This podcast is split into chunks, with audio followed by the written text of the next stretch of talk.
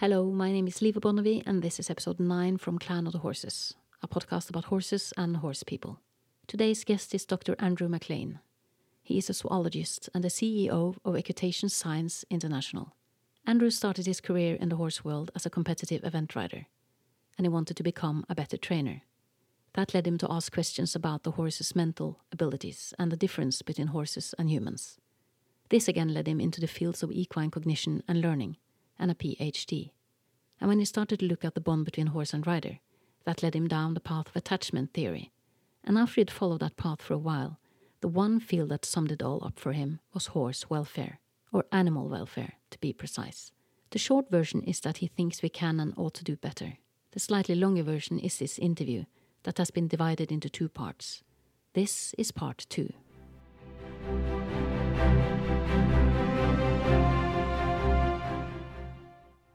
So, Dr. Andrew McLean, we are back again for part two of this interview. Yeah, I'm very happy to be here. Thank you. And I can't begin to tell you how thrilled I am to see you again. For although we did cover a lot of ground the last time we spoke, I really felt we needed more time to explore a specific theory that, for some odd reason, still is considered to be a cornerstone in horse training, namely the dominance and submission theory.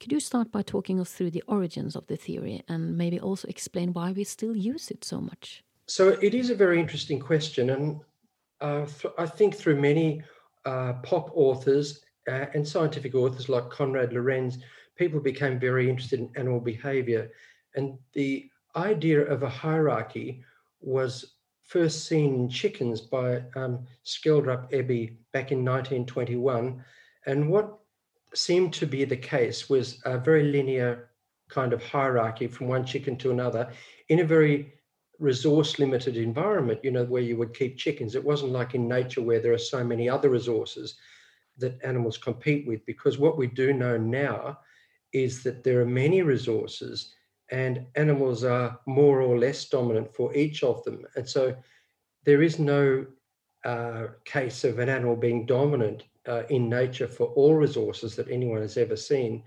They're more dominant for one and less for the other. And also when they're when they when they've had enough, um, they tend to be less so. And also, um, we know that in in wolves, for example, that that kind of um, relationship was first seen on uh, Isle Royale, um, the uh, the uh, work of oh gosh David Mech and but these wolves that were introduced to this island weren't a real really clear example of what we see in wolves normally because normally wolves live in family groups like horses do. And in these sorts of groups, we don't see dominance hierarchies. We see a lot of sharing going on, and we see that no wolf or no horse, for that matter, is ever dominant more than 70% of the time for any one resource. So resources are much are allocated much more um, equally. And it, you could understand that in a family kind of situation, you wouldn't, if you were just boss over all the resources, nobody else would get anything. So it doesn't make any sense. But back in those early days, the idea of a hierarchy was quite a convenient idea. And in the 1960s, when you know the hippie movement came about, the, the you know there was a lot of resentment for uh, much of the establishment and at the same time, the behaviorists, which was uh, largely Thorndike and then uh, Watson and Skinner, um, had very strict ideas about animals' behavior. And um, it was very appealing scientifically, and much of it is still true. But the main thread of their idea, which became public, was that you could turn a peasant into a lawyer, which of course is wonderful and true that people can learn to, you know, to do whatever they whatever they want to do. You're not automatically in a um, certain class situation in a society bound by your intelligence in one thing or another. You can uh, the, everyone has potential, and that's the wonderful thing about education. But the social conservatives in the United States didn't like it one bit because the idea of turning a peasant into a lawyer meant that you know god forbid you could have um, african americans starting to you know, move above their station, and women and anyone who wasn't a white conservative male. And so that was very unappealing. And the ideas behind all of this had huge impetus in science. So the words operant conditioning were commonly seen in scientific papers in behaviorism. And after the social conservatives started to really attack Skinner, um, Skinner lost his job. The word operant conditioning or the term never appeared in a scientific journal again in the United States for many, many, many decades later, not until um, in the 90s. So there was this period where it wasn't um, even talked about. At the same time, well, so Skinner's gone, his students never could get jobs either. And at the same time, the uh, science of animal behavior was beginning to emerge in Europe through Konrad Lorenz and Niko Tinbergen and people like that.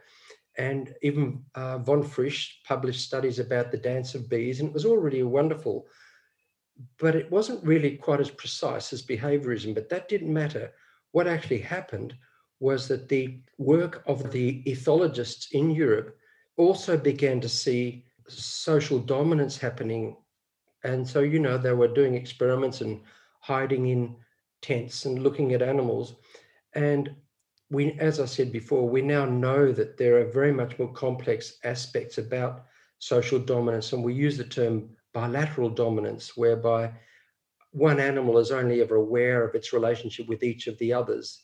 It's not like an, any animal has a spreadsheet of all of the relationships so what you actually see in bilateral dominance is that um, A might dominate B for food or space.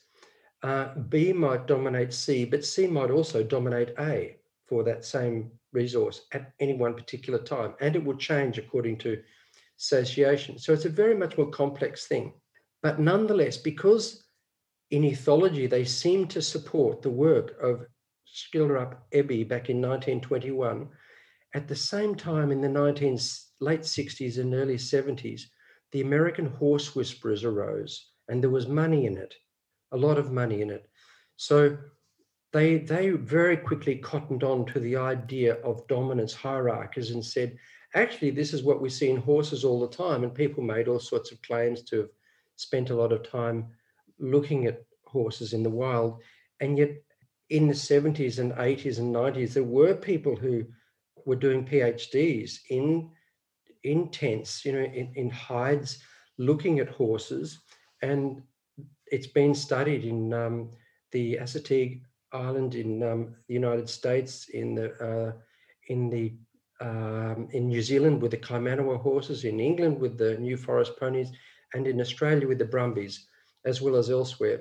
And nobody's ever seen this dominance thing happen all the time when you use it when you do a very careful scientific approach to your observations you know without any kind of bias towards stallions you know because earlier on people were thinking well it's the stallions of course the the dominant ones because you know that's that's the male one um, and then of course uh, people started saying well no actually no it's the females that are always dominant but actually it's just so much more fluid than that. So it's really the New Age horse whisperers that grabbed this idea and took off with it. And the rest of the world believed them, or the horse world. And so they started to apply it in every different direction and say not only does dominance theory apply between horses, it also applies from human to horse. And so all you have to do is to be the boss over the horse, and all your problems are solved. And I had a very interesting experience with this many years ago. I was doing my PhD and I was teaching a girl on my arena with a horse that had uh, a problem. And um, her father uh, was watching me and listening to what I said through the window of his car, and it was wound down, and I didn't take any notice of him. And um, I'm a, you know, a newly fledged zoologist, and I I was also thinking along these dominance lines. I had no other ideas. I thought it just made a lot of sense that you've got to be the boss over the horse. And he said to me, I'm very interested to hear what you told my daughter about her horse. What, what are you actually trying to tell her exactly? Is it that she needs to be dominant over the horse? And I said, Yes. The horse is, is the boss over her. She needs to, you know, she needs to get respect from the horse, and then it would all be better. And he said, I'm surprised you're saying this. He said, um, Haven't you just started your PhD? And I said, Yes. And he said, What's it about? And I told him it was a, about uh, the cognitive abilities of horses. And he said, Well, I'm surprised that you're not seeing this in terms of single learned responses. Maybe the reason the horse walks on her when she leads it, maybe it's not dominant, maybe it just hasn't learned to lead in a straight line. And I was absolutely blown away. And I, to be honest, I really felt I couldn't take money from him for this lesson because I learned so much. And um, he said, I think you could. Um, he said, Who are your supervisors? And I told him my supervisors, and I was very proud of them, and they were wonderful. But he said, I think you need a dose of learning theory. Um, and I said, I think I might do too. And he said, Look, I'll, I'll help you. Uh, and so I went to his place every week for a year and learned about learning theory from him. You know, I had a psychology course basically from this man on Friday evenings, and it was the best thing I ever did. And it really changed me from thinking about dominance to think, well, if we just broke everything down into single factors and we taught the horse that when we lead it forward, stepping sideways isn't actually leading forwards, that's stepping sideways. And all we need to do is to reinforce the horse for going in a straight line. And it's a much better way of thinking about it. The psychologists, through the uh, into the very distant, shattered remains of B.F. Skinner, were still talking about this, but it wasn't a common a common idea anymore uh, because many psychologists also abandoned Skinner. But this fellow, his name is uh, Professor Eng. He, he, he was the professor of psychology at Monash University in Melbourne. And I was so glad that I'd met him. And he um, was one of the ones that still held on to the ideas of uh, reinforcement theory because, you know, with people, with children with learning disabilities, with children who um, have all sorts of behavior problems, there's nothing more effective than behavior therapy. And that is basically using operant conditioning and the theory of theories of Skinner. And so it's interesting that we tossed them out so many years ago and now we're drawing them back in. And in fact, in Australia, you can get uh, rebates on our medical system if you do uh, behavior therapy because it's so effective. So it, had, you know, it had a very tortured kind of uh, beginning, and I think that's the reason why so many people still hang on to it because it's a very attractive idea, the idea of dominance, but the idea of a horse seeing a human as dominant is pretty sketchy. We, we really don't know what horses think. You know, we, we try to imagine it, but in fact, we'll never know really what goes on. We just make as good a guess as we can. And um, it works much better to not blame them for the, you know, load them up with all of this nonsense and just simply look at what we've got in front of us and look at what the horse does and see how you can change the horse's behavior through reinforcement. I also find it interesting that when you talk about dominance, it's related to resources, reproduction, food, access to resources. And I don't compete with my horse about any of his resources. I don't eat what he eats. I, I'm not, I mean, I'm a different species. So it's, to me, it's also very strange to use the word dominance in that aspect.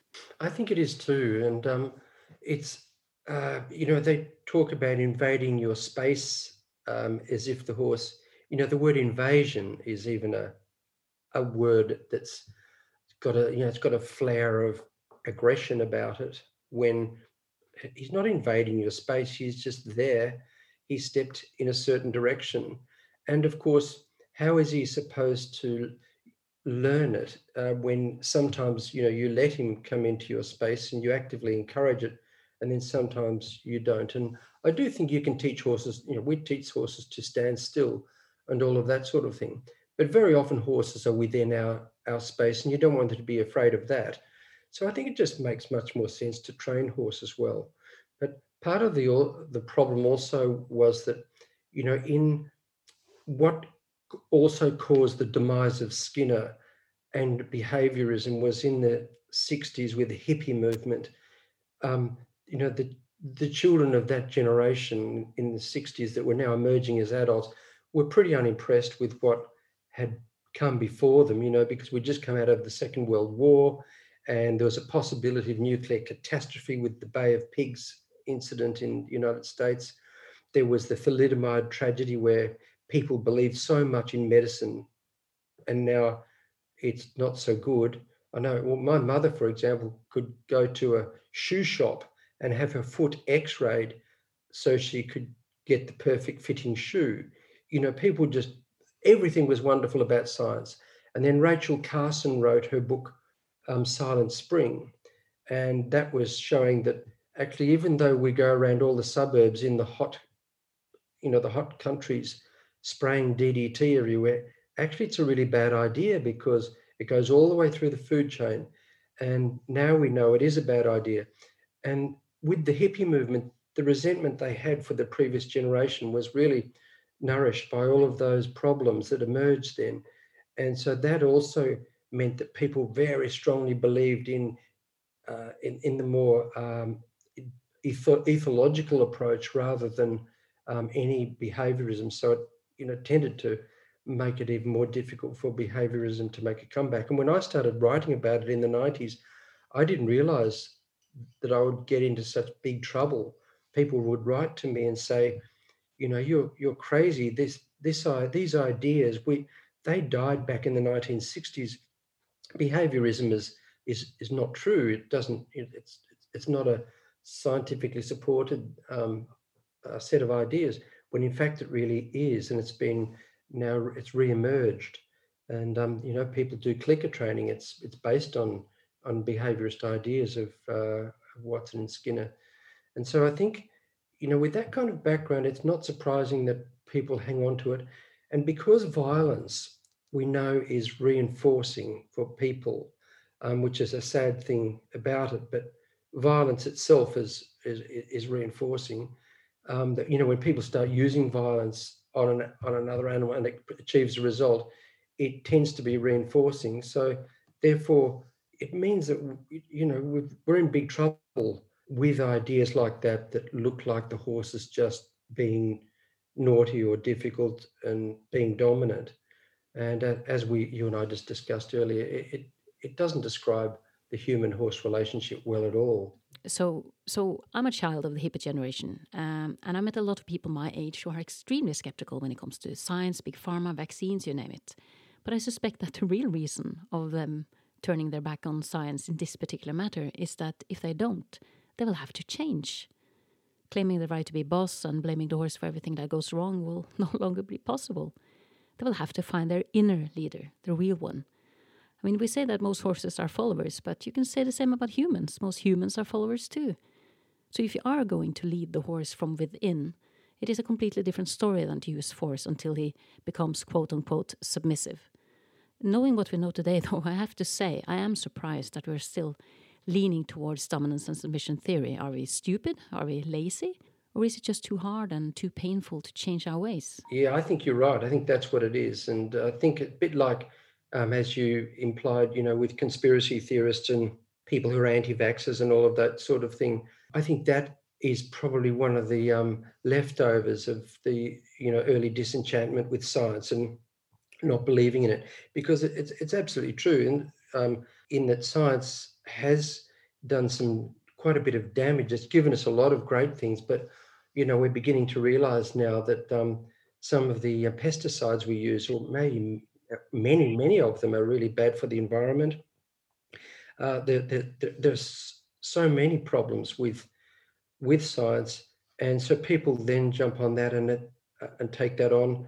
Uh, I think also, as you mentioned, it's easy to go down that path of dominance, but then again, in the long run, it's not easier because they, you know, if you, if you're not actually training a specific behavior and discovering what actually is the behavior that is the problem. It may be, you know, for example, if the horse is instead of stepping in a forwards direction, it's stepping slightly sideways.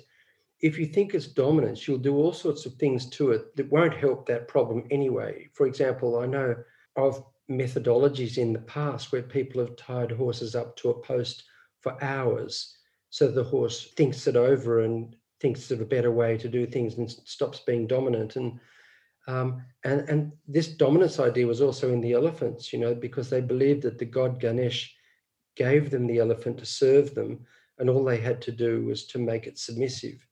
So it's probably also nourished by what people call toxic masculinity too. The, you know, the idea of a very aggressive approach to everything is a good idea. So I think it's the, the trouble is all those sorts of ideas just create more problems. They don't they don't solve anything and they make everything a lot worse in the end rather than uh, fix it. And so I think I don't see any point to seeing the world like that. I think it makes much more sense to just see you have a horse who does a behavior. He doesn't have any kind of value judgment on his behavior, but people do. You know, people like to put value judgments on what horses do. And, you know, so the horse is this and the horse is that, and the horse thinks this and that.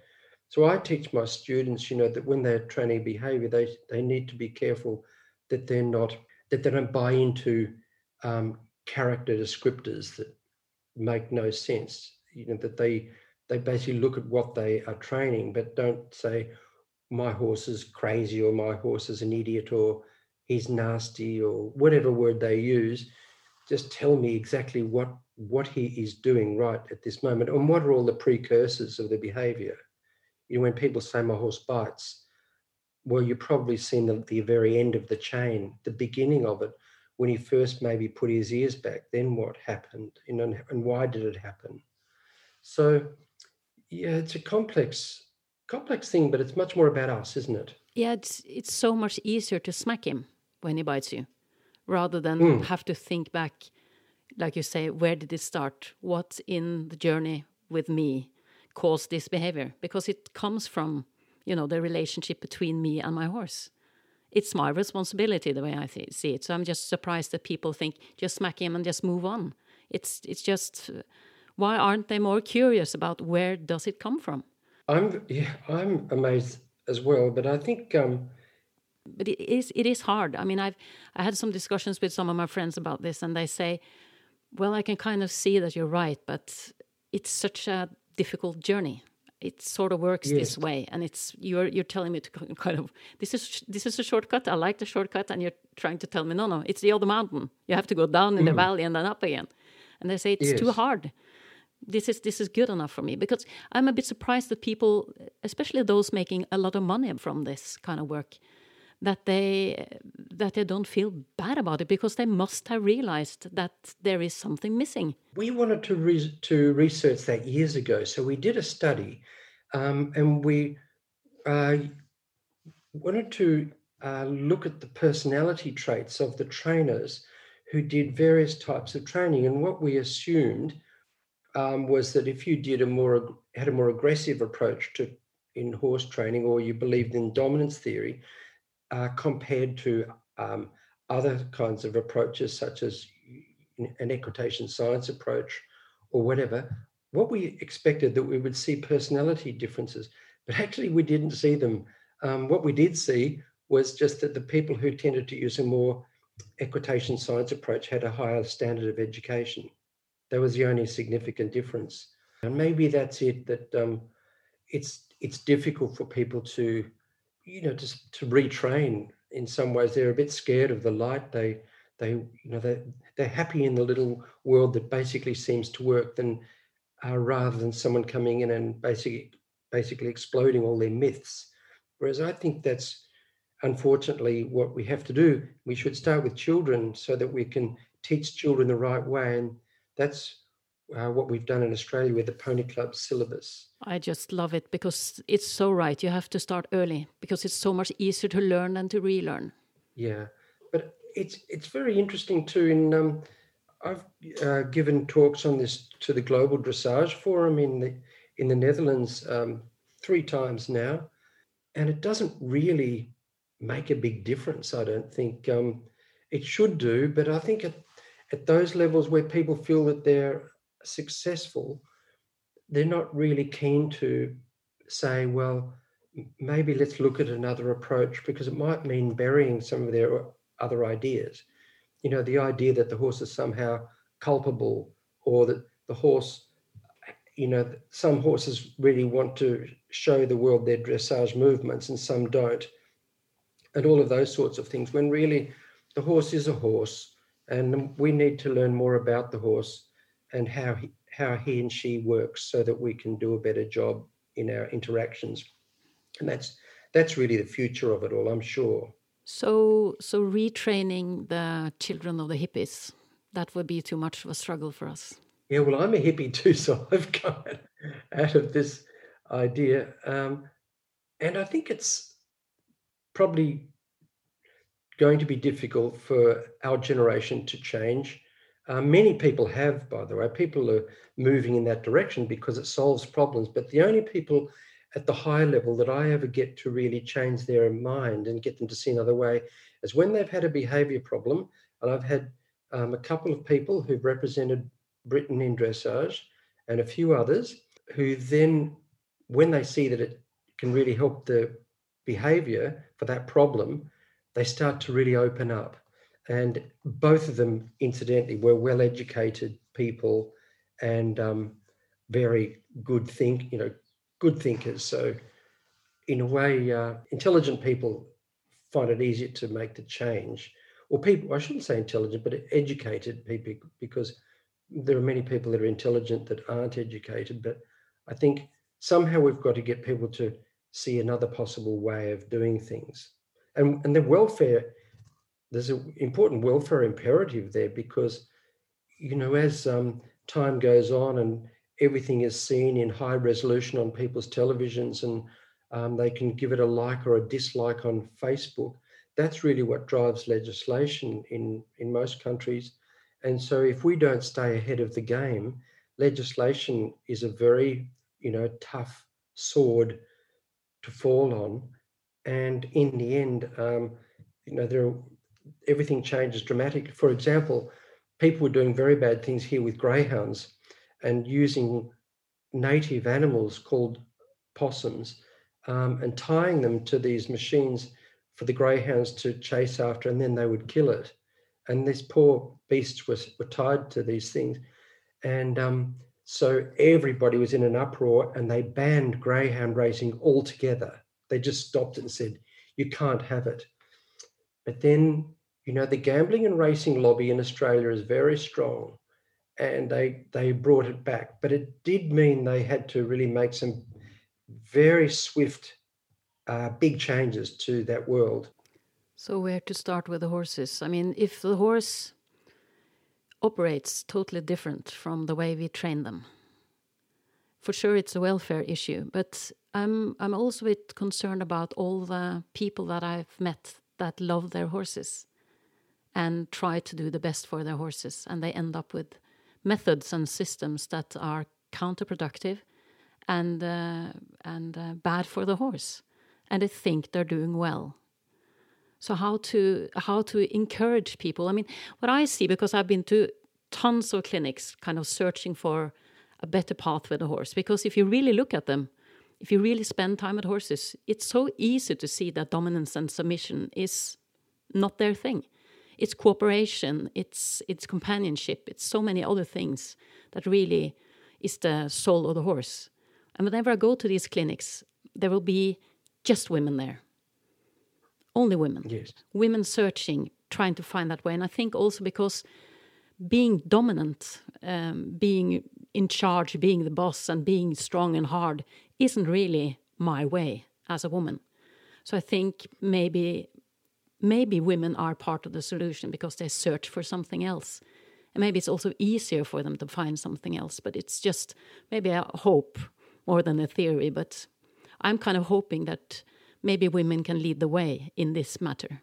I think there's a very high chance that that's likely. The um, the, there the hurdles to overcome are quite solid though in that you know people that are involved in a particular culture tend to um, be immersed in it to the extent where they get blinded by the culture itself.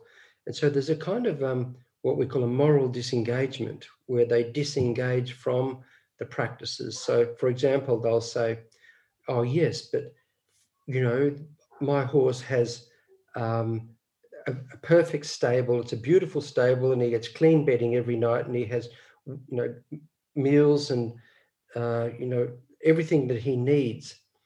But the thing is, they don't usually have everything they need because people misunderstand what the horse needs.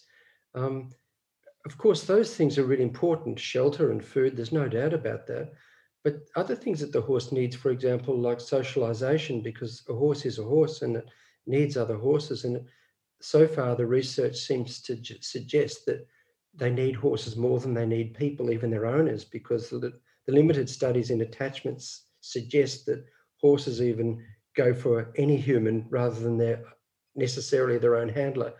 And that's fine because that's who horses are. And um, you can certainly have a great relationship with your horse, but it's it's it's more wonderful for the human, I think.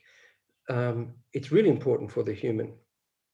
So we have to be wary of or aware of all of these things that um, play a part.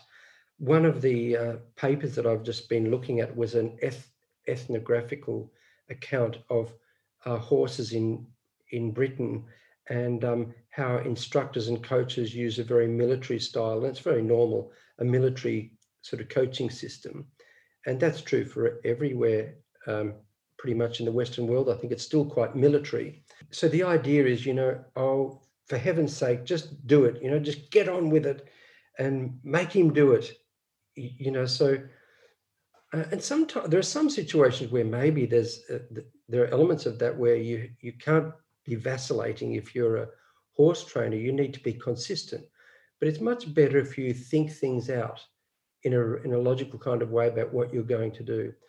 So, getting back to what you were saying, I think uh, it's more than likely women would lead the way there because um, it's certainly more inherent in our cultures at the moment that um, men tend to be more um, have a they find the dominance approach more attractive than women do, and probably because the, what women often report is that they're not quite strong enough anyway. Whereas the men like to, you know, we like to think we are pretty strong and can do those things.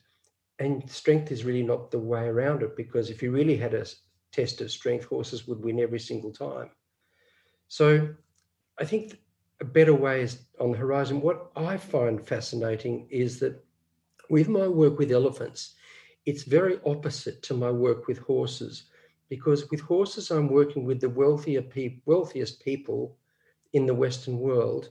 And with horses, with elephants, I'm working with the poorest people in Southeast Asia.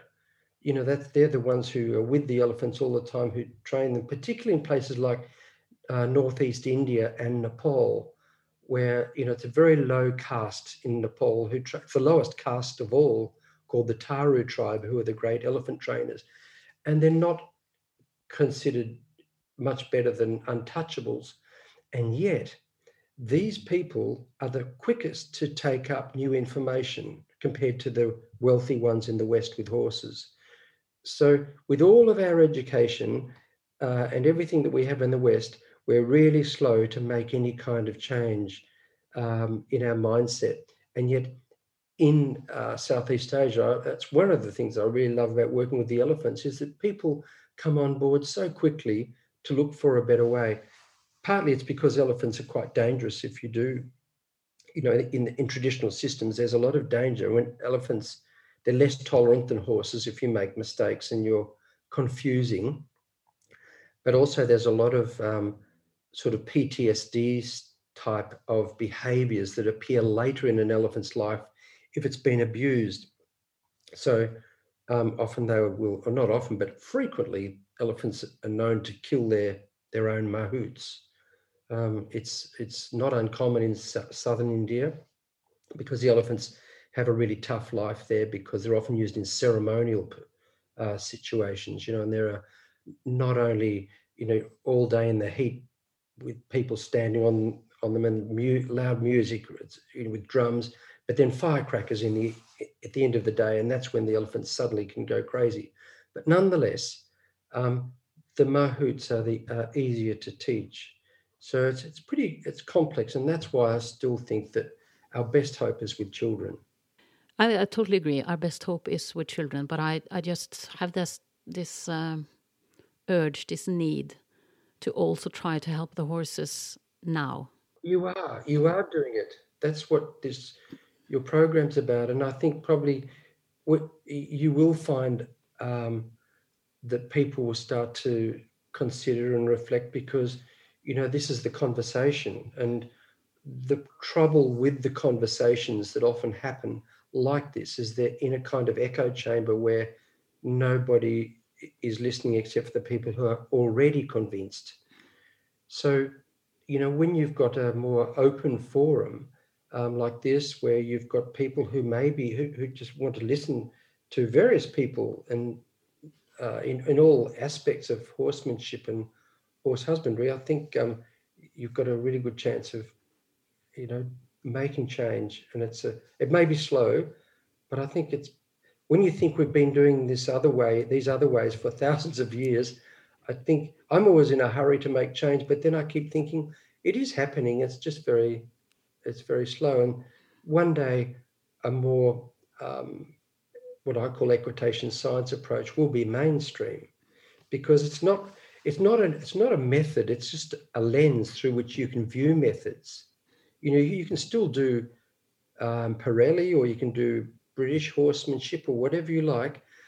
But the lens of, of equitation science basically dictates, uh, because it's about animal learning and ethology, it dictates whether it's likely to work or not. And it explains why it doesn't work when it doesn't work and why it does work when it does. So it's it's an educational thing that you know it's going to take time, but it is happening, I think. And yeah, programs like this will make a big difference and for sure also the work that you're doing. I I just can't tell you how happy I am that it was possible to convince you to take another chat about this very important issue, Andrew.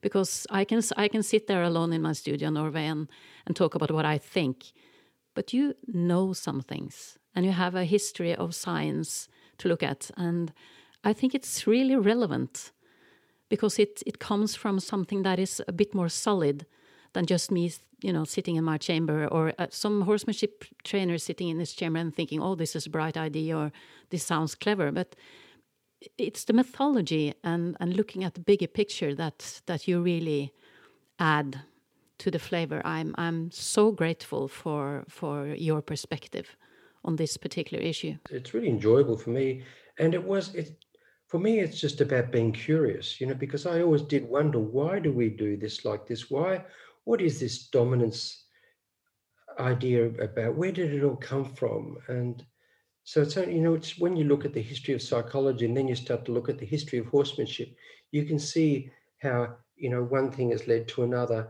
and um, how you know the ideas of dominance were unfortunately fertilized by the ethologists. You know uh, when behaviorism uh, was assaulted in in America and nobody talked about it anymore. All we had left was ethology, and it you know it really it gave us some great great information, but it also um, unfortunately helped kill it helped kill Skinner. You know uh, that was that was the big problem I think. So now we're doing you know now we're doing both where we've got all we've got so much of that information and history and um, science, I think, is going in a better direction now in terms of animal uh, uh, um, awareness. And animal welfare also is a new science that's, you know, wasn't on the horizon years ago. But, um, well, it was in certain respects in that people wanted to make an animal's life good so that you could use it, use that animal. You know, you wanted good draft horse to be healthy so that he would pull the plow for more hours in a day. And then and then along came um, the five freedoms where people talked about you know an animal should be free of pain and free of um, hunger and those kinds of things. And that seemed to be a wonderful thing and it certainly was. But then david mellor came along and started to look at other aspects of what makes an animal's life worthwhile you know just beyond uh, the horse being or the animal being free of pain and free of of discomfort and hunger, what about what makes what about investigating what makes an animal's life worth living? And that's really where we are now. And that's why I've been starting to push people with stables to say, just test it out, take the bars down and let because when people say my horse shies and is really spooky, that tells me he's insecure. And so, why is he insecure?